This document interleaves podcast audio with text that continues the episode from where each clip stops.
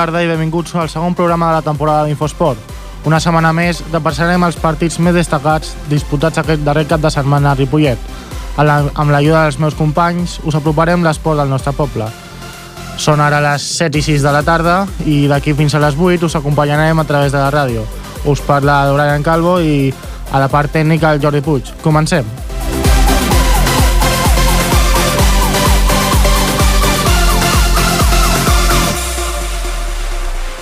Amb vol, amb vol, amb vol.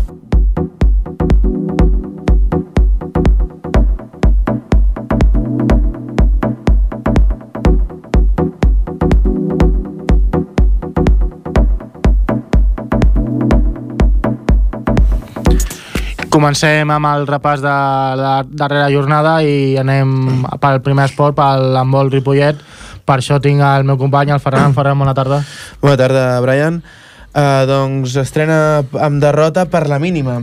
Uh, L'handbol Ripollet s'ha estrenat a la segona catalana, uh, puja, um, després de pujar la temporada passada, amb una derrota que s'ha escapat a les acaballes del partit uh, d'un partit molt difícil davant d'un rival més experimentat com és el segon equip del Banyoles amb un ajustat 29 a 30 de resultat. Els ripolleteks han sortit des del primer minut endollats, però s'han vist superats en el marcador per un Banyoles B encara més fort. Amb alguns errors dels ripolletens no aconseguien capgirar el marcador, però no deixaven que els visitants es distanciessin gaire Uh, no es gaire així s'ha arribat a la conclusió de la primera part amb un sol gol de diferència favorable als banyolins la segona part uh, s'ha iniciat amb un Banyoles B que ha aprofitat del mal inici local. I aquests s'han pogut marxar de 4 gols. Durant gran part del segon temps, els visitants han aconseguit imposar-se, però els jugadors del Ripollet no han de baixat els braços en cap moment i en els 5 últims minuts s'han han desfet la distància i per tant han pogut empatar el partit. Però la fortuna ha acabat per afavorir els banyolins amb un últim gol que feia volar els dos punts cap a terres gironines. Derrota complicada d'encaixar però positiva per l'actitud que han mostrat el, ha mostrat l'equip local que no s'ha rendit en cap moment la pròxima jornada provarà més sort a casa del Sant Martí Adrianenc per intentar guanyar el tercer equip d'un eh, club potent. Uh, doncs, i per seguir parlant una mica sobre aquest partit, eh, hem trucat a l'Adrià Jordana, el capità. Bona tarda, Adrià. Bona tarda. No s'escolta, a veure si... Hola, hola.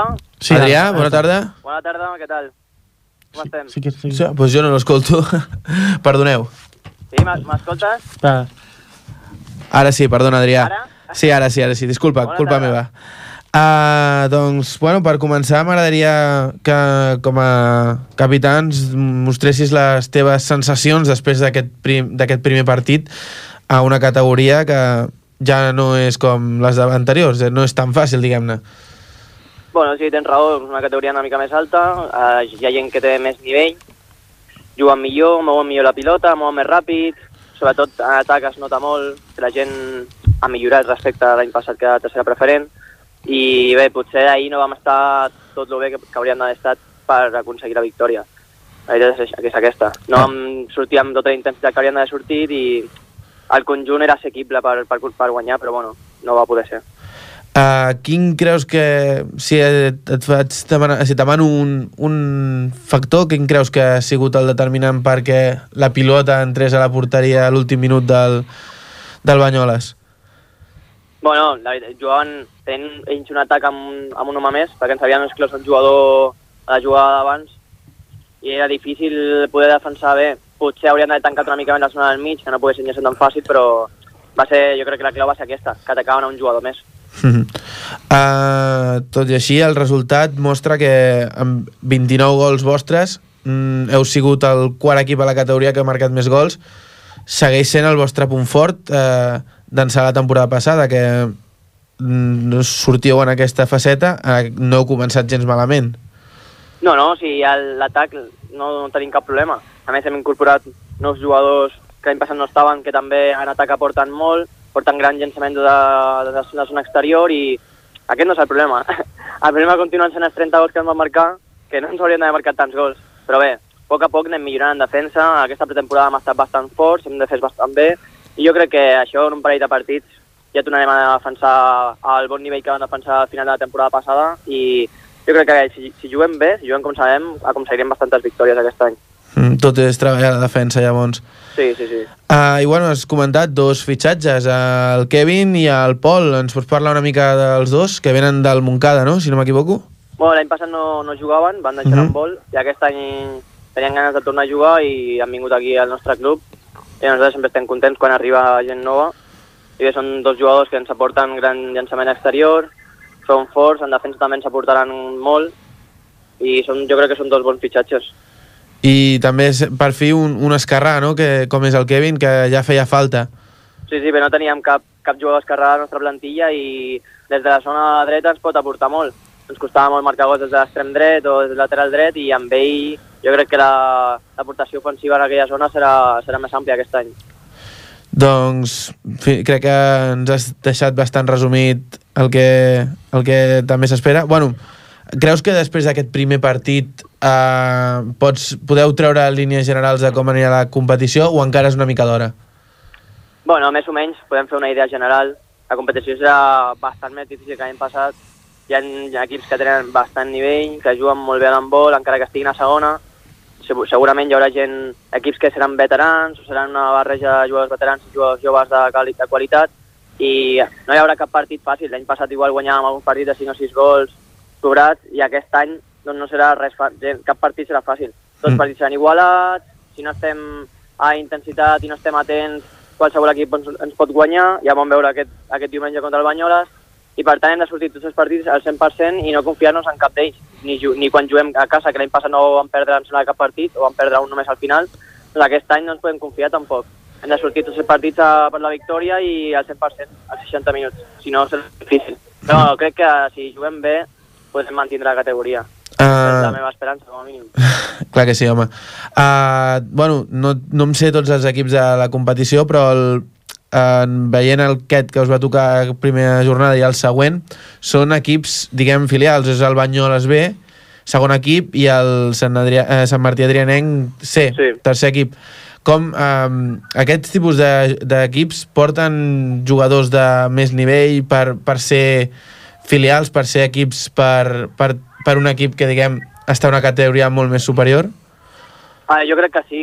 El, jo crec que sobretot el Sant Martí i Adrianenc de la setmana vinent tenen equips a categories altes, la base que tenen són jugadors molt bons, i clar, quan pugen, encara que pugin a l'equip C, són jugadors de molta qualitat. Molt joves, corren molt, i juguen bastant bé, i clar, aquests, aquests partits són complicats. Però bueno, encara que no siguin filials, tots els equips que juguen, em sembla que també juguen contra el Barberà, que també és el segon equip, tots els equips d'aquesta categoria, qui més qui menys, sap jugar bé amb vol i no hi ha cap partit fàcil. Pel que dius, Adrià, els, els filials són els grans rivals de cara a, a, a un hipotètic ascens? O són, són els grans rivals de, de la categoria? Mm, Els més això No forts? t'ho sabria, això no t'ho sabria dir. No sé, la veritat, perquè no he vist, no he vist cap, cap partit de cap rival aquesta pretemporada, així que no, no sabria dir-te. El Banyoles l'any passat va quedar en, en novena posició, o sigui, va quedar en meitat de taula cap, cap a baix. No sé, no sabria dir-te si són els que són més forts o seran els que lluitaran uns altres, no sé, no sabria dir-te això, la veritat. Però jo crec que ah, si, si ens fixem amb, el, amb la segona catalana, gairebé totes les temporades els, els punts que obtenen tots els equips són bastant igualats. Sí. No hi ha cap equip, o ha, igual hi ha un equip que ens distancia molt, però la resta d'equips estan molt junts en punts i una victòria més, una victòria més pot dir a ficar-te a zona, a zona d'ascens o a jugar-te a playoff per no baixar. Així que no et pots confiar contra, contra cap equip. L'última per la meva part. Eh, parlant de la, de, la, de la pretemporada, perquè heu començat la temporada, però gairebé encara és la part final de la pretemporada, com ha anat aquesta pretemporada i com, arri i com arribeu a, que, a l'inici de la temporada oficial? Però jo crec que arribem bé. Hem estat entrenant, portem un mes entrenant bastant, amb bastanta intensitat. Hem jugat amistosos contra rivals de qualitat, hem jugat en un parell contra equips de primera catalana, que és una categoria superior a la nostra. Jo crec que hem entrenat bé, hem entrenat bé. Físicament la gent està bé, hem de continuar millorant, lògicament, perquè només portem un mes, però jo crec que físicament la gent està bé i a nivell de, de jugar, clar, els nous fitxatges també es nota que no han jugat mai amb nosaltres i també es nota que és la complicitat que pots tenir o la, la compenetració que s'aconsegueix a base de partit, però jo la pretemporada la veig positiva. I jo crec que els fruits, eh, si no la setmana que ve, doncs, en un parell de setmanes començarem a jugar bastant bé. O, uh, per acabar una mica amb el, que de, amb el que has recalcat durant tota l'entrevista, que és, és una categoria difícil, mm, un resultat que ens pot ajudar pels qui no en tenen gaire d'aquesta categoria és que el Vic va guanyar, va, crec que va guanyar d'un amb 19 a 20 i el, eh, que el Vic l'any passat el veu, veu jugar contra ell i va- ser una, un rival molt dur que va, va aconseguir l'ascens de forma directa, no com a playoff. Això ens pot ensenyar una mica com anirà la competició de Clar, en, dificultat. teoria, en, clar, en teoria un equip que va pujar bé, va pujar per quedar entre els tres primers l'any passat i que va a la pista, a una pista d'un, del Bordils i guanya només d'un, doncs aquí es nota que la, el nivell és molt, molt parell entre equips que ja estaven l'any passat a la categoria i equips que han pujat aquest any. Doncs això, a qualsevol equip, i més a casa seva, et pot complicar molt la vida. I quan venen aquí, quan venen el, el Joan Creus, doncs igual, no vindrà cap equip a passejar-se ni a dir, bueno, aquest partit el donem per perdut, no, tothom vindrà a guanyar i tothom sap que dos punts més o dos punts menys li poden venir després d'un ascens o un descens. Per això no, no, no ens podem refiar com l'any passat a tercera preferent, que hi havia equips que sí que es, es notaven més inferiors a nosaltres i sabrien que els guanyaríem. Doncs des d'aquí animar-vos a que no escap deixeu escapar cap partit, que, que mm, quan us... Heu de, com a equip heu demostrat que quan esteu en pitjors situacions, en pitjors contextos, traieu tot el que sabeu i aconseguiu bones coses. Que vagi molt bé, Adrià. Molt bé, moltes gràcies, Ferran. Adéu, Adrià. Adeu.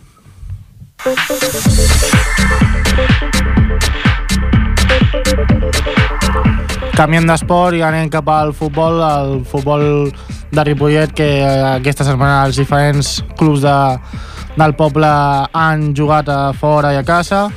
I el primer de tots anem amb el Club Futbol Ripollet, que aquesta setmana ha aconseguit la victòria com a local. Per això tenim el meu company, el Marc Mata, que us informarà més sobre el partit. Davant, Mata. Bona tarda. El Club Futbol Ripollet es va enfrontar al Gissà de Vall i va aconseguir amb patiment els 3 punts. Ahir diumenge, amb les grades del municipal plenes de gom a gom, el Ripollet va guanyar per 1 a 0 al Gissà de Vall.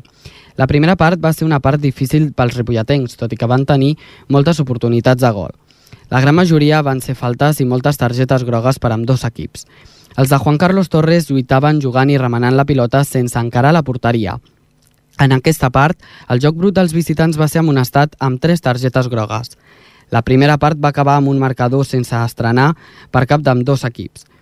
La segona va començar amb un Ripollet que sortia al camp amb més empenta i forces per guanyar. A 3 minuts de l'inici del segon temps, els ripolletens van rebre la primera targeta groga. Uns minuts més tard, un jugador del Gissà va ser amonestat per agafar dels pantalons a un jugador local. No va ser fins al minut 62 quan els ripolletens van estrenar el marcador. Luis Rubiales va marcar el que seria l'únic gol del maig, marcat en una de les moltes oportunitats que van tenir els de Torres. I un minut més tard va rebre una targeta groga. Al final del maig, el programa Infosport va poder entrevistar el protagonista del partit, Luis Rubiales, jugador del Ripollet. Habéis jugado contra el Gizá, ha sido un partido complicado, ya que os ha costado meter el, gol.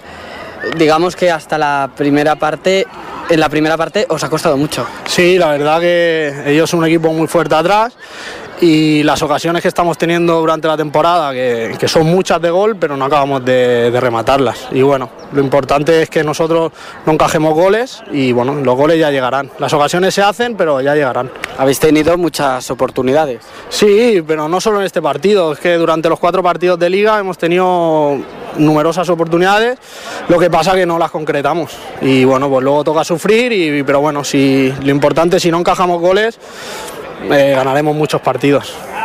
En el minuto 62, tú has sido el que ha, ha estrenado el marcador y ha hecho que el equipo que ganarais el partido. Sí, bueno, no suelo meter muchos goles, la verdad, pero bueno, me ha salido un buen chute y, y bueno, feliz por la victoria.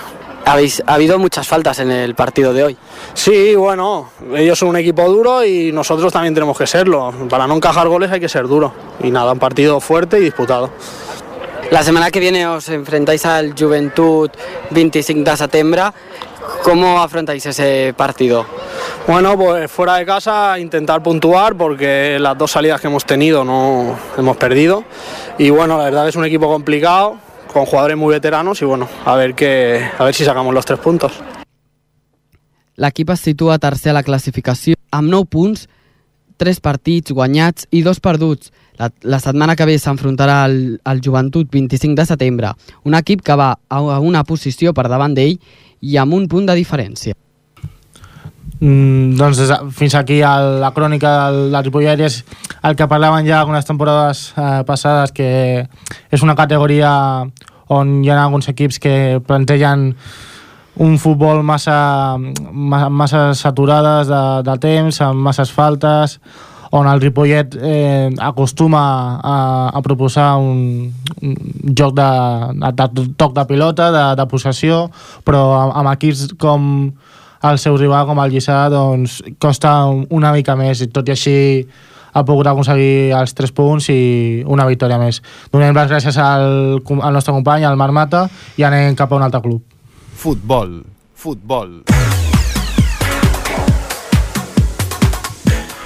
Seguim amb el futbol i anem cap al, al Pajaril, que per això tinc aquí al meu costat el meu company Manuel. Manuel, buenas tardes. Hola, buenas tardes, Brian. ¿Qué ha hecho el Pajaril esta semana? Pues bueno, el partido al final se le fue al pajaril y, y, bueno, acabaron perdiendo 1-2 contra un buen equipo como era el San Just, que era el segundo clasificado de la liga. ¿Cómo fue el partido? Bueno, pues el pajaril, como decimos, recibía al segundo clasificado de la liga en casa, al San Just, y el juego de los dos equipos se de- de- desenvolvía en el centro del campo, sobre todo, sin que ninguno tuviese una ocasión clara de acercamiento en el área contraria. Mucho respeto entre ambos equipos eh, se veía reflejado en el juego y la ocasión más clara la tenía Aero en el minuto 8 del primer tiempo con un disparo que salía desviado. En el minuto 18 una nueva ocasión eh, en la que Eros protege el balón con su cuerpo en presencia de un defensor y deja el balón a Eloy, pero su disparo eh, es interceptado por un defensa, el cual desvía a Cornell. Un minuto más tarde ese es, el conjunto del San Just quien dispone de una clara ocasión de gol, pero fue en el minuto 21 donde un error defensivo, eh, donde el San Just conseguía el gol, superando así al guardameta del Pajaril, a Víctor. Dos minutos más tarde el San Just vuelve a llevar a llegar en velocidad al área del Pajaril, pero no consiguen finalizar bien la jugada y el partido comenzaba a tener más ritmo y un claro dominio por parte del conjunto visitante, quien no cesaba de crear peligro y ocasiones de gol. Y en el minuto 34, Jordi tiene una ocasión clara de empatar al recibir solo en el área el balón con el que, tras su disparo, el guardameta del San Just eh, desvía Cornell. Los defensas, eh, los demás sucesos hasta, hasta el descanso fueron protagonizados por el árbitro, que la verdad que bueno, sacó numerosas tarjetas por parte del conjunto del, del Pajaril, incluso al técnico eh, Marco Cogolludo lo acabó expulsando. Y el inicio del segundo tiempo, eh, el partido fue similar al primero, los dos equipos con un juego respetuoso entre ambos y con el Pajaril intentando buscar el empate. Transcurrió 12 minutos del segundo tiempo, el guardameta del Pajaril, Víctor, saca una mano prodigiosa para evitar lo que hubiera sido el segundo gol del San Just. Tres minutos más tarde, Eros y Diego elaboran una preciosa jugada en el área del, del San que es interferida por un defensor, el cual saca el balón fuera. En el minuto 71 el, part, eh, el partido eh, el partido nueva intervención de Víctor por, eh, al sacar también otro balón que, que era eh, con, un, con, un, claro gol del, del San Just, pero lo desvía Cornell. Sí. Tres minutos más tarde el Pajaril mm, tiene una nueva ocasión para empatar, después de un lanzamiento de córner donde diversos jugadores están dentro del área disputando el balón hasta que un defensor del San Just lo echa fuera. Un minuto más tarde, Víctor vuelve a evitar nuevamente lo que sería el segundo gol del San Just con el pie, desviando el balón, pero tres minutos más tarde, eh, Eros es el que consigue poner el empate tras un chute suyo, el cual es desviado por un defensor y desconcierta al portero. Aquí llegábamos al empate a uno y, en el minuto 83 el Pajaril se queda con un jugador menos tras una expulsión mm, de paños por parte del árbitro que lo expulsa fuera. y en el minuto, en el último minuto el San Just acaba consiguiendo el gol que le daba la victoria y con ello pues el 1-2. Si no me equivoco, tenemos la entrevista al, al A- técnico, ¿no? al del técnico, al- al Mar- al Mar- Marco, Marco Golludo. Marco Golludo, que su- recibió la expulsión en el partido. Estamos con Marco Golludo, entrenador del, del Pajaril, tras finalizar el partido.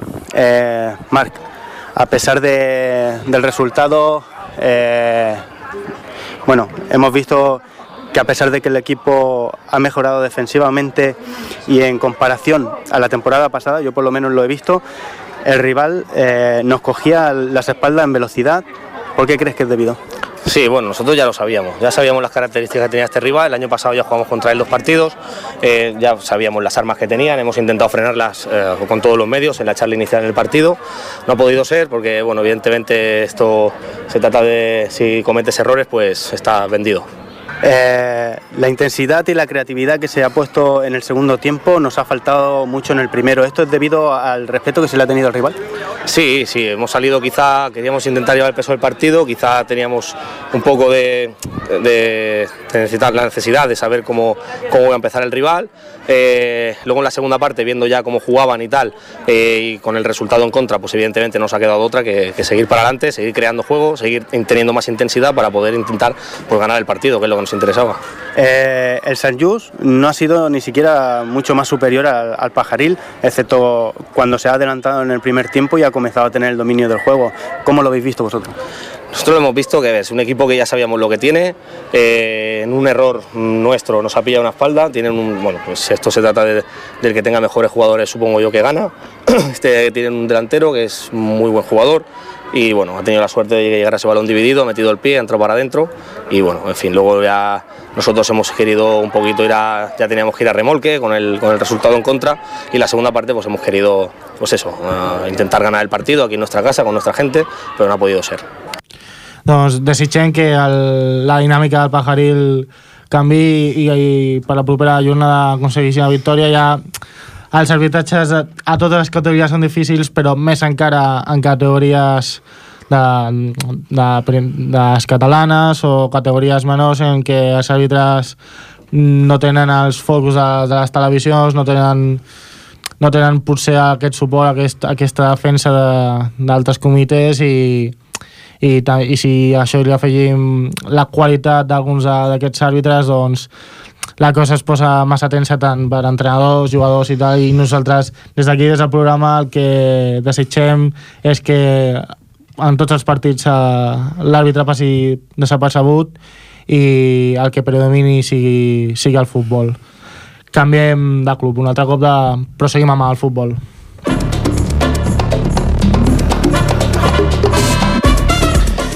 I passem amb l'escola de futbol base, que aquesta temporada mm, presenta gairebé un equip nou.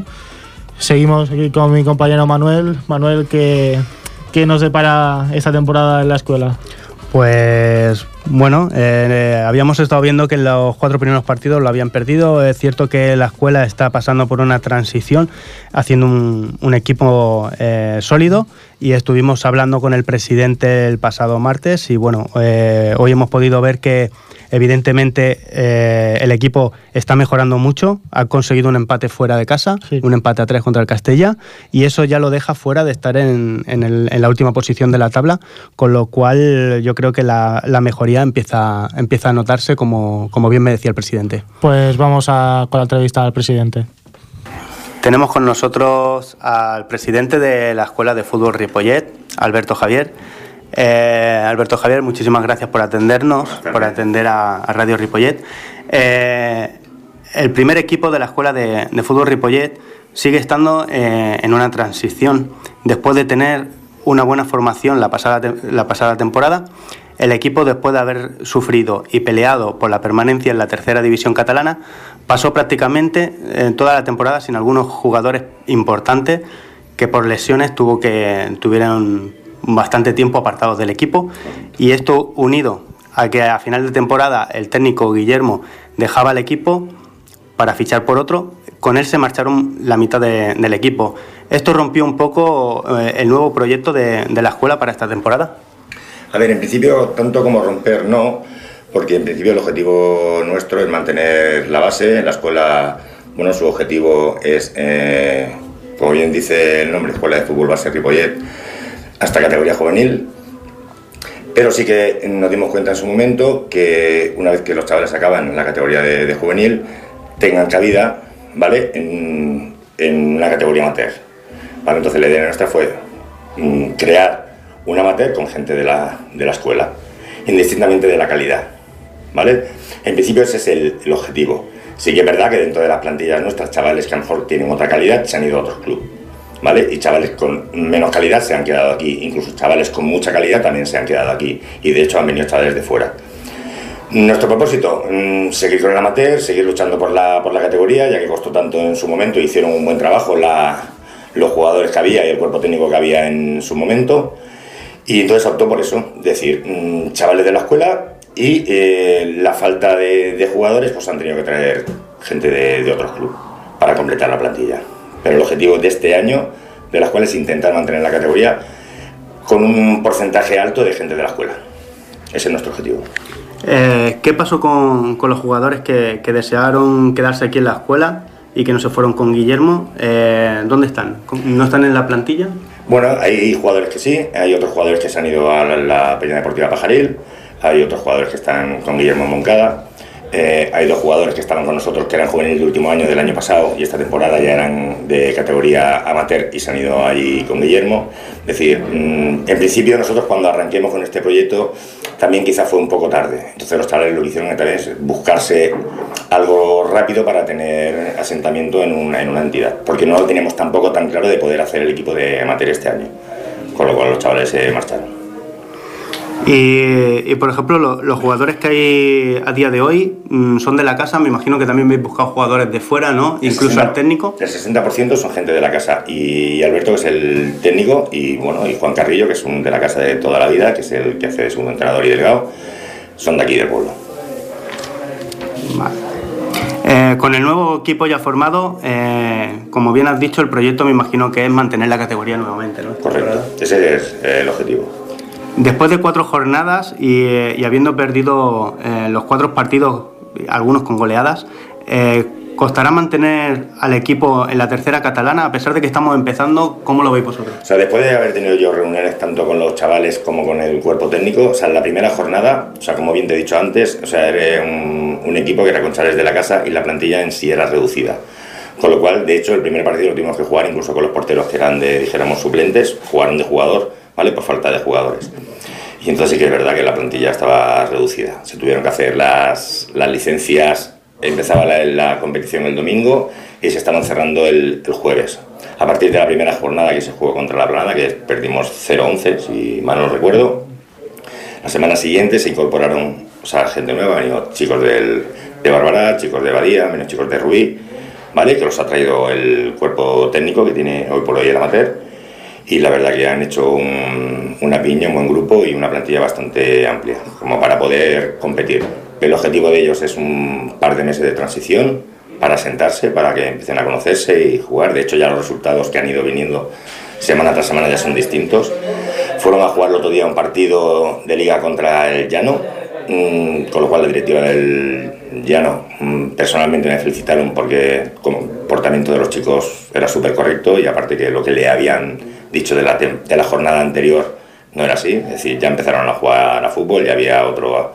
Y la semana pasada jugaron en Badía, perdieron 4-2 y efectivamente lo mismo, o sea, la misma directiva, o sea, nos agradecieron el buen comportamiento y el buen fútbol que crearon los chavales. De hecho, el resultado fue 4-2 y dos goles de Badía fueron de penalti. Con lo cual eso también te merma, pero el trabajo de los chavales es exquisito, o sea, mm, verlos entrenar es, personalmente para mí es un orgullo. O sea, comprometidos, una plantilla amplia y que vienen todos, se comprometen todos a entrenar, a jugar. Decir, que la ilusión existe. O sea, con, con ilusión y todo, y, a pesar de que, como hemos dicho, estamos empezando, esto es fútbol, eh, a partir del primer parón, que son las navidades, todo cambia, y lo vemos incluso en primera división. Eh, ¿Crees que el equipo aspira a poder luchar tranquilamente, no? Tranquilamente, el compromiso de ellos eh, ha sido ese del primer día, o sea, presidente, o sea, no renunciamos a la categoría, o sea, no nos queremos, o sea, queremos seguir luchando por ella y lo vamos a intentar, o sea, estoy convencidísimo. Luego los resultados vendrán como vendrán, porque el fútbol no tiene otra cosa que, que eso, a veces es mala suerte, ¿no? El balón tiene que entrar y a veces es mala suerte, pero el compromiso de los chavales hoy por hoy lo que me están demostrando es eso, que quieren luchar por la... No le hemos marcado ningún objetivo, ningún objetivo, o sea, el objetivo se los han marcado ellos y ellos nos lo han propuesto así a la junta directiva. Es decir, no renunciamos a la categoría y vamos a luchar por ella. Pues con eso vamos. Presidente, eh, para finalizar, ¿qué podríamos decir a todos aquellos que, que, ponen su confianza en el club de la escuela de fútbol? En principio nosotros lo que buscamos es mm, dentro de la parte deportiva, o sea, mm, está claro ya que una categoría amateur no podemos hablar de crear futbolistas o crear personas, es decir, ya hablamos de una edad de donde el futbolista se crea futbolista y que el que es persona se crea persona. Sí que es verdad que partimos de la base con ese objetivo, o sea, hablamos de categorías desde debutante hasta juvenil, con esa filosofía. Somos un club social, nuestro lema, hoy por hoy lo veremos en, bueno, en todos los carteles, en todas las banderas, somos una gran familia, lo sentimos así, no es una cuestión de, sino lo sentimos así. Gente que ha venido de fuera lo vive también, o sea, nosotros vendemos lo que realmente pensamos que somos, no vendemos otra cosa. Y bueno, pero el deporte tiene eso, o sea, a veces no llueve a gusto de todos, ¿vale? Cuando un hijo nuestro juega menos minutos que, que el compañero, pues a veces el papá está de disgusto. Esto en el fútbol colectivo tiene estas cosas. Pero en principio lo que nosotros buscamos es de que ya no el niño se sienta bien, crezca deportivamente, indistintamente de los resultados. Nos marcamos como entidad, está claro, eh, objetivos de categoría, porque de hecho tenemos jugadores como para poder competir con lo cual se exige que se compita, pero dentro de unos parámetros que son o sea, el saber estar, el comportamiento, el, la, la, parte grupal, compañerismo, y esto es lo que fomentamos. Los entrenadores se los inculcamos, son entrenadores, bueno, pues aquí no cobra nadie, ¿vale? Chavales que tienen ganas de crecer, formamos entrenadores, es decir, ya va a ser, si no me equivoco, el tercer año donde vamos en la sala hacer el curso de entrenadores, vienen entrenadores de fuera y chavales de la casa. Y ese es nuestro objetivo, o sea, que la gente se sienta a gusto, indistintamente que el niño juegue, haga su deporte, que está claro, pero que el papá también valore de que el niño está bien arropado y, y querido.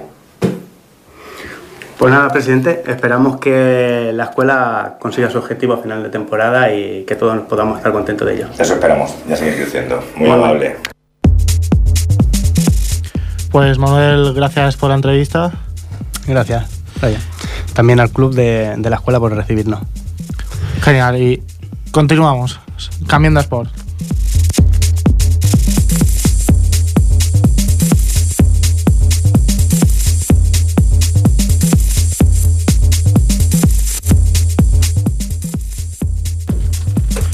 Continuem amb el programa, ja canviem, com he dit, d'esport i passem amb el, el bàsquet, el Club Bàsquet Ripollet, que aquesta setmana és notícia, òbviament, per l'esportiu.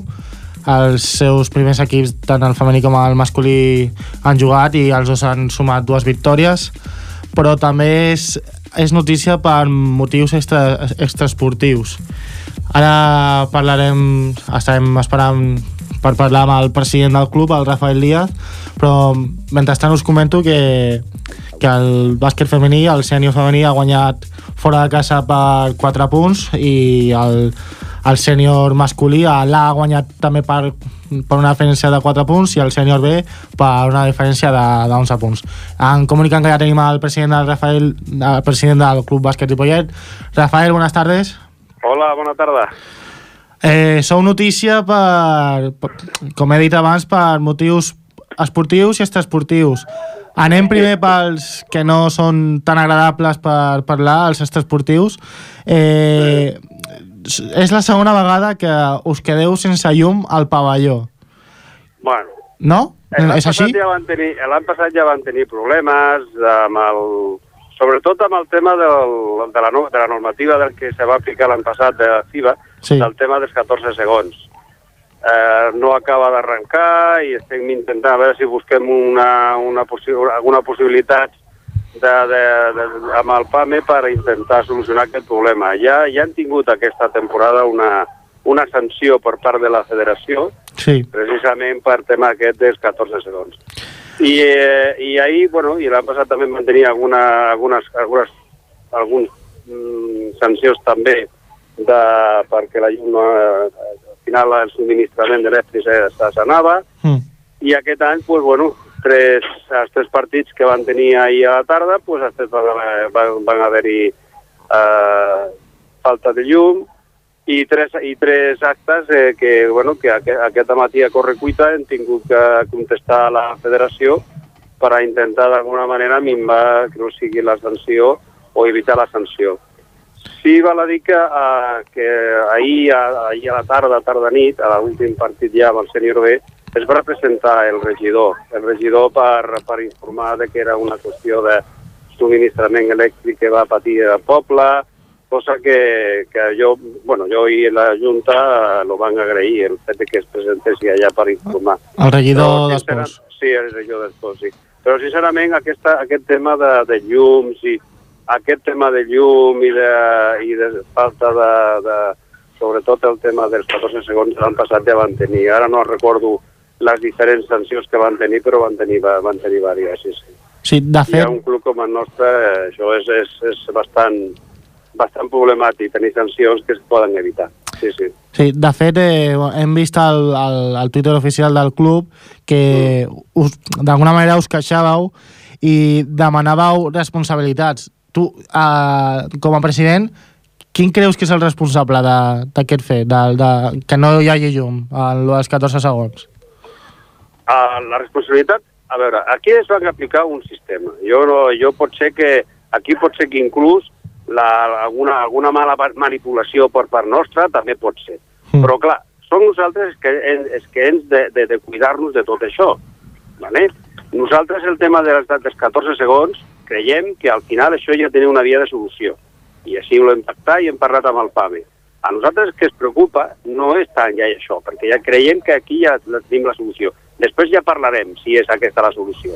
Sí. Però el tema del llum, això no és de rebut. No és de rebut que, el, que, que durant un partit que jo, me, jo em fico, eh, van tenir una queixa d'un equip visitant molt forta, de que a falta de, quatre, de, de 3 minuts per, per acabar el partit, Sí. el partit anava molt igualat, ells estaven, segons ells, anaven per, per poder guanyar, perquè anaven a la, amb la marxa directa, per com, com se diu, i de cop i volta se van a la llum. Això, aquesta és la problemàtica. Aquí va caure una sanció. O sigui, jo... mm, Aquesta, aquesta sistema- sanció, Sí. aqu aquesta sanció qui...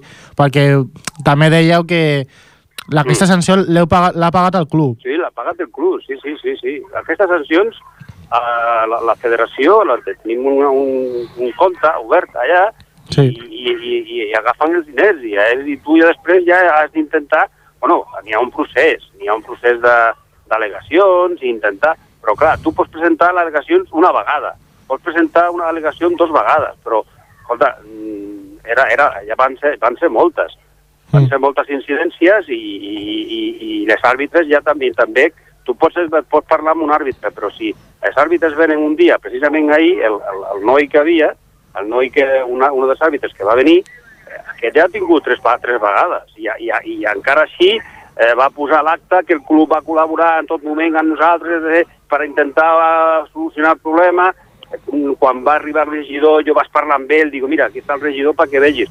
Però clar, eh, això són, són situacions que no... Que, que, I sobretot, a mi, lo que, lo que jo, a mi lo que em preocupa més és la, la imatge que estem donant. I no només la imatge exterior, sinó la imatge al nostre, al nostre soci, a, a la gent que va al bàsquet. El pavelló s'està omplint de gom a gom, cada, cada, cada diumenge que cada diumenge. I si tu una, dos, tres vegades se'n va la llum, la gent acaba a marxar-se. Mm. Ahir inclús, amb, amb, un partit de, amb un partit de lliga de futbol que s'estava donant, al pavelló amb el sènior B havia molta gent. No, no, és, és la imatge. No, no, i, i, bueno, independentment, clar, per nosaltres l'important també és el tema de, la, de, de, de les sancions que, que, que es posen. Clar, la imatge, sobretot la imatge. La imatge que dona un club, un club que té, que té 80 anys d'història. Un, un club hi- històric del, del bàsquet català. Eh, abans parlaves d'això dels 14 segons.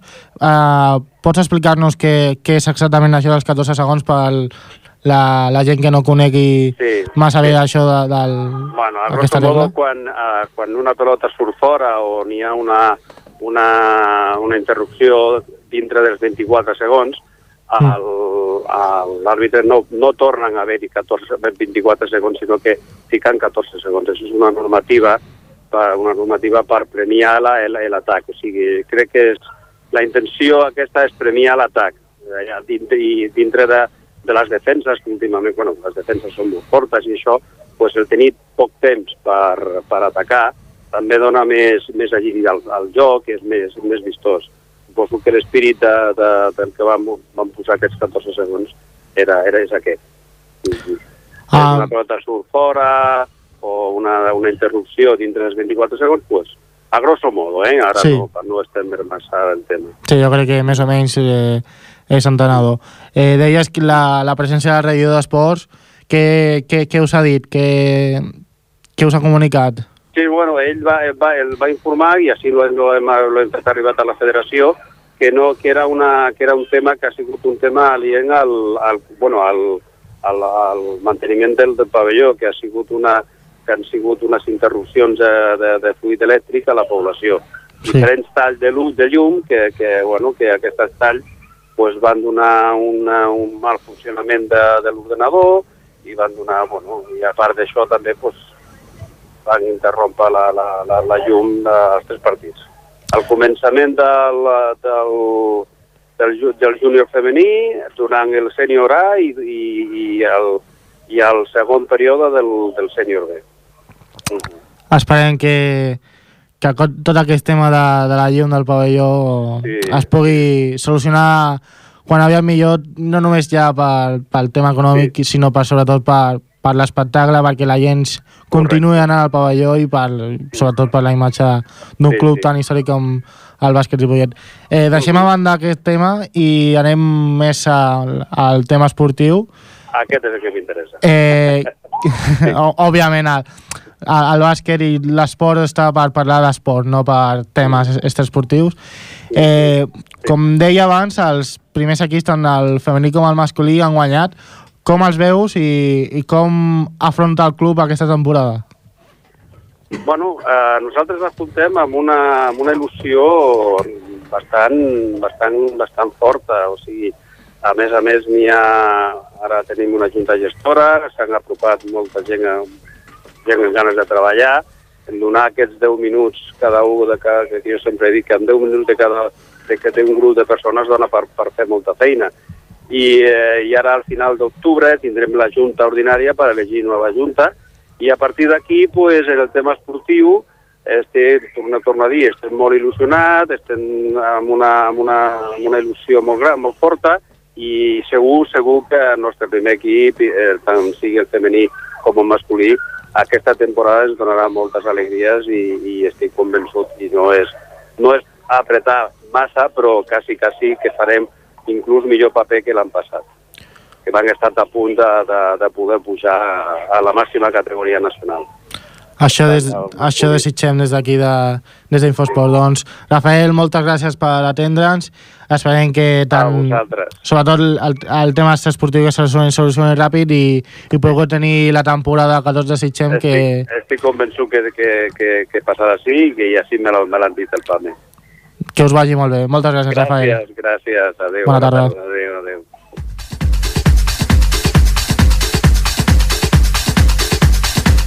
Canviem un cop, des de, un cop més d'esport i passem a, al futbol sala. Aquí tinc un altre cop al meu costat el meu company, el Ferran. Ferran, bona tarda. Hola otra vez, Brian. Eh, cuarto partido del fútbol sala Ripollet y tercera derrota. Ah, esta vez contra el Catgas Santa Coloma por un 1 a 3. mm, que ante un partido que el, equipo local se mereció mm, la victoria, después la trabajó mucho, falló mucho y acabó pasando el resultado final, pero ante siempre dando la cara. Sí. Eh, el inicio del encuentro ha sido un poco complicado, puesto que los dos equipos se han tuteado desde el principio. El Ripollet intentaba asentarse en el campo y el recurso era el pase largo para intentar deshacer la defensa agresiva del Catgas Santa Coloma. Pero la primer- primera ocasión clara de los locales ha sido a, ra- a raíz de una contra muy bien lanzada. Poco a poco los ripolletenses han ido dominando la primera parte, haciendo más daño a partir de las jugadas de córner y en los minutos finales eh, ya ha sido un monopolio total de oportunidades locales, pero a dos minutos de que finalizara la primera parte, los visitantes se han adelantado gracias a una jugada muy bien drenada. A la segunda parte mm, se cambiaron las tornas, eh, el balón ha sido en todo momento para el Catgas Santa Coloma y el, y el gol del Ripollet eh, se hizo de esperar, se hizo esperar a 12 minutos del final, gracias a un rebote que Antonio El Pipa empuja a placer. El dominio de oportunidades volvió a ser ripolletense, pero la polémica ha ensuciado el final del partido, un penalti que, se eh, que ha, ha sido reclamado y una sesión al portero mal señalada ha acabado por poner los nervios al banquillo eh, y a todo el campo que estaba lleno hasta la bandera. Eh, y en este momento ha sido cuando el Santa Coloma ha conseguido marcar de córner. Entonces los locales se han arriesgado con portero jugador, pero el árbitro pintó la quinta falta ah, y por tanto el doble penalti que acabó poniendo mm, tierra de por medio ah, con el tercer gol del Santa Coloma. Una expulsión muy protestada por una grada, sí, y una expulsión muy protestada al final del partido, por, sobre todo por la grada, ha acabado de hundir las esperanzas locales y ha cerrado el marcador por un 1 a 3. Em, como ya he comentado, la es- el equipo lleva tres jornadas sin conseguir la victoria y mm, hace que, el, que quede como cuarto por la cola. Un momento difícil, pero bueno, que nos gustaría hablarlo un poco más con Pedro García, el nuevo entrenador. Buenas tardes, Pedro. Hola, muy bueno. Antes de nada, es el la primera vez que podemos hablar contigo. Felicitarte por tu puesto en el primer equipo, un hombre de club. Y bueno, me gustaría empezar preguntándote, aunque me es complicado, eh, esta mala po- posición, ¿a crees que, a ¿qué crees que se debe en este mal momento en el inicio? ¿A qué lo Bueno, achacarías? Se junta un poco todo. Yo creo que los rivales están sido difíciles, lo- tocado un calendario complicado al inicio, pero las tres derrotas ni mucho menos los objetivos que nos marcamos al principio, puesto que las derrotas, al contrario, nos hacen más fuertes y nos une más para seguir adelante. Vamos, no cambiamos ni no cambiamos nada. Vamos a seguir adelante y con las mismas ganas que el día 18 que empezamos. Ah, realmente el, el equipo dominó el partido, llevó la manija y la lástima fueron los goles. Mm, aquí, ¿qué, qué crees que pasó? Porque realmente hubo mucho... se o sea, el Ripollet dominó muchísimo más al, que al Santa Coloma el partido. Sí, bueno, con el resumen que ha hecho queda bastante claro cómo fue el partido. Yo creo que eh, el empate de lo que se vio era justo y si un caso se hubiera tenido que decantar para un lado, siempre para el nuestro. Ahora que hemos analizado el partido grabado, hemos contado más o menos las ocasiones que hemos tenido y en cuanto a ocasiones claras de gol, tanto en la primera como a raíz del empate nuestro, nosotros nos merecíamos más. Lo que, claro, al final un desajuste en un córner nos meten el 2-1 y a partir de ahí lo que dices tú, la, la del 10 metros que que para mí no era, pero bueno, lo que decimos siempre, los árbitros no meten los goles. Eh, nos de, ya ahí con el 2-1 y ahora tuvimos que arriesgar el 5 y la falta por el 1-3, el 10 metros. Ah, ¿Crees que en, en este momento clave los nervios os, no os ayudaron? No, no creo que sean los nervios porque, ya como, ya, como bien sabe, el equipo es un equipo ya muy cuajado con muchas tablas y no creo que fueran los nervios. Simplemente que en ese momento del partido pues estaba a una- a unas pulsaciones altas y a veces las decisiones no son buenas. Pero no, no creo que los resultados eh, acusen los nervios ni mucho menos. Los jugadores tienen ya mucha experiencia y como te digo, no, no creo que hubiera afectado en eso.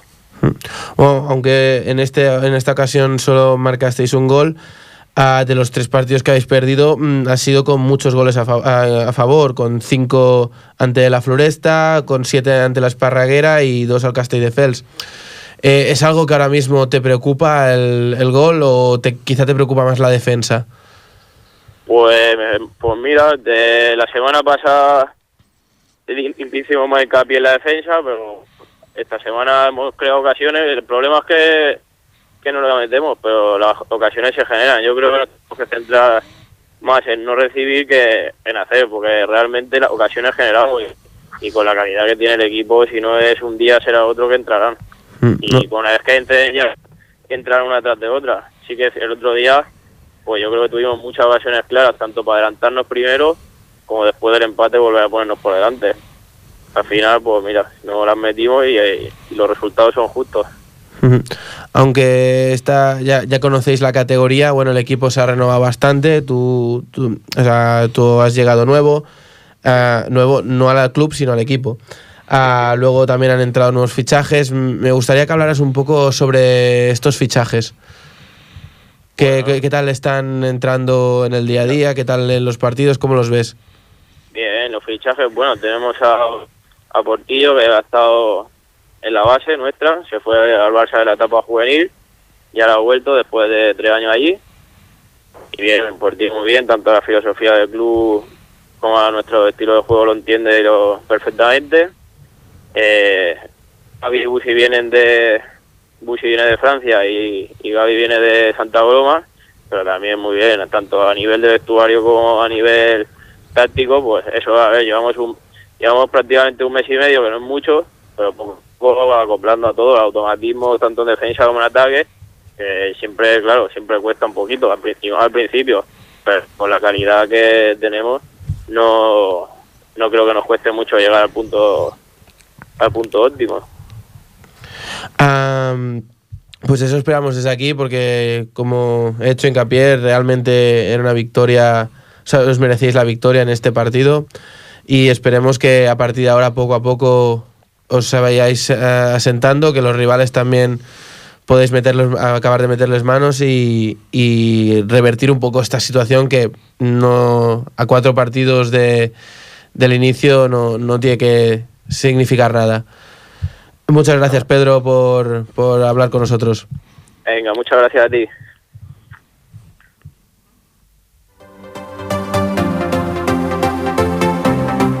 I fins aquí el segon programa d'aquesta temporada d'Infosport.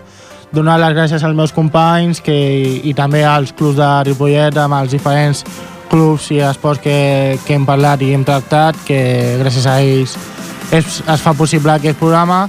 I només recordar que, com sempre, el proper dilluns de, a la 91.3 de la FM ens tornarem a trobar de 7 a 8 de la tarda a Ripollet Ràdio, al programa Infosport. Res més des de la meva part, molt bona setmana i fins dilluns.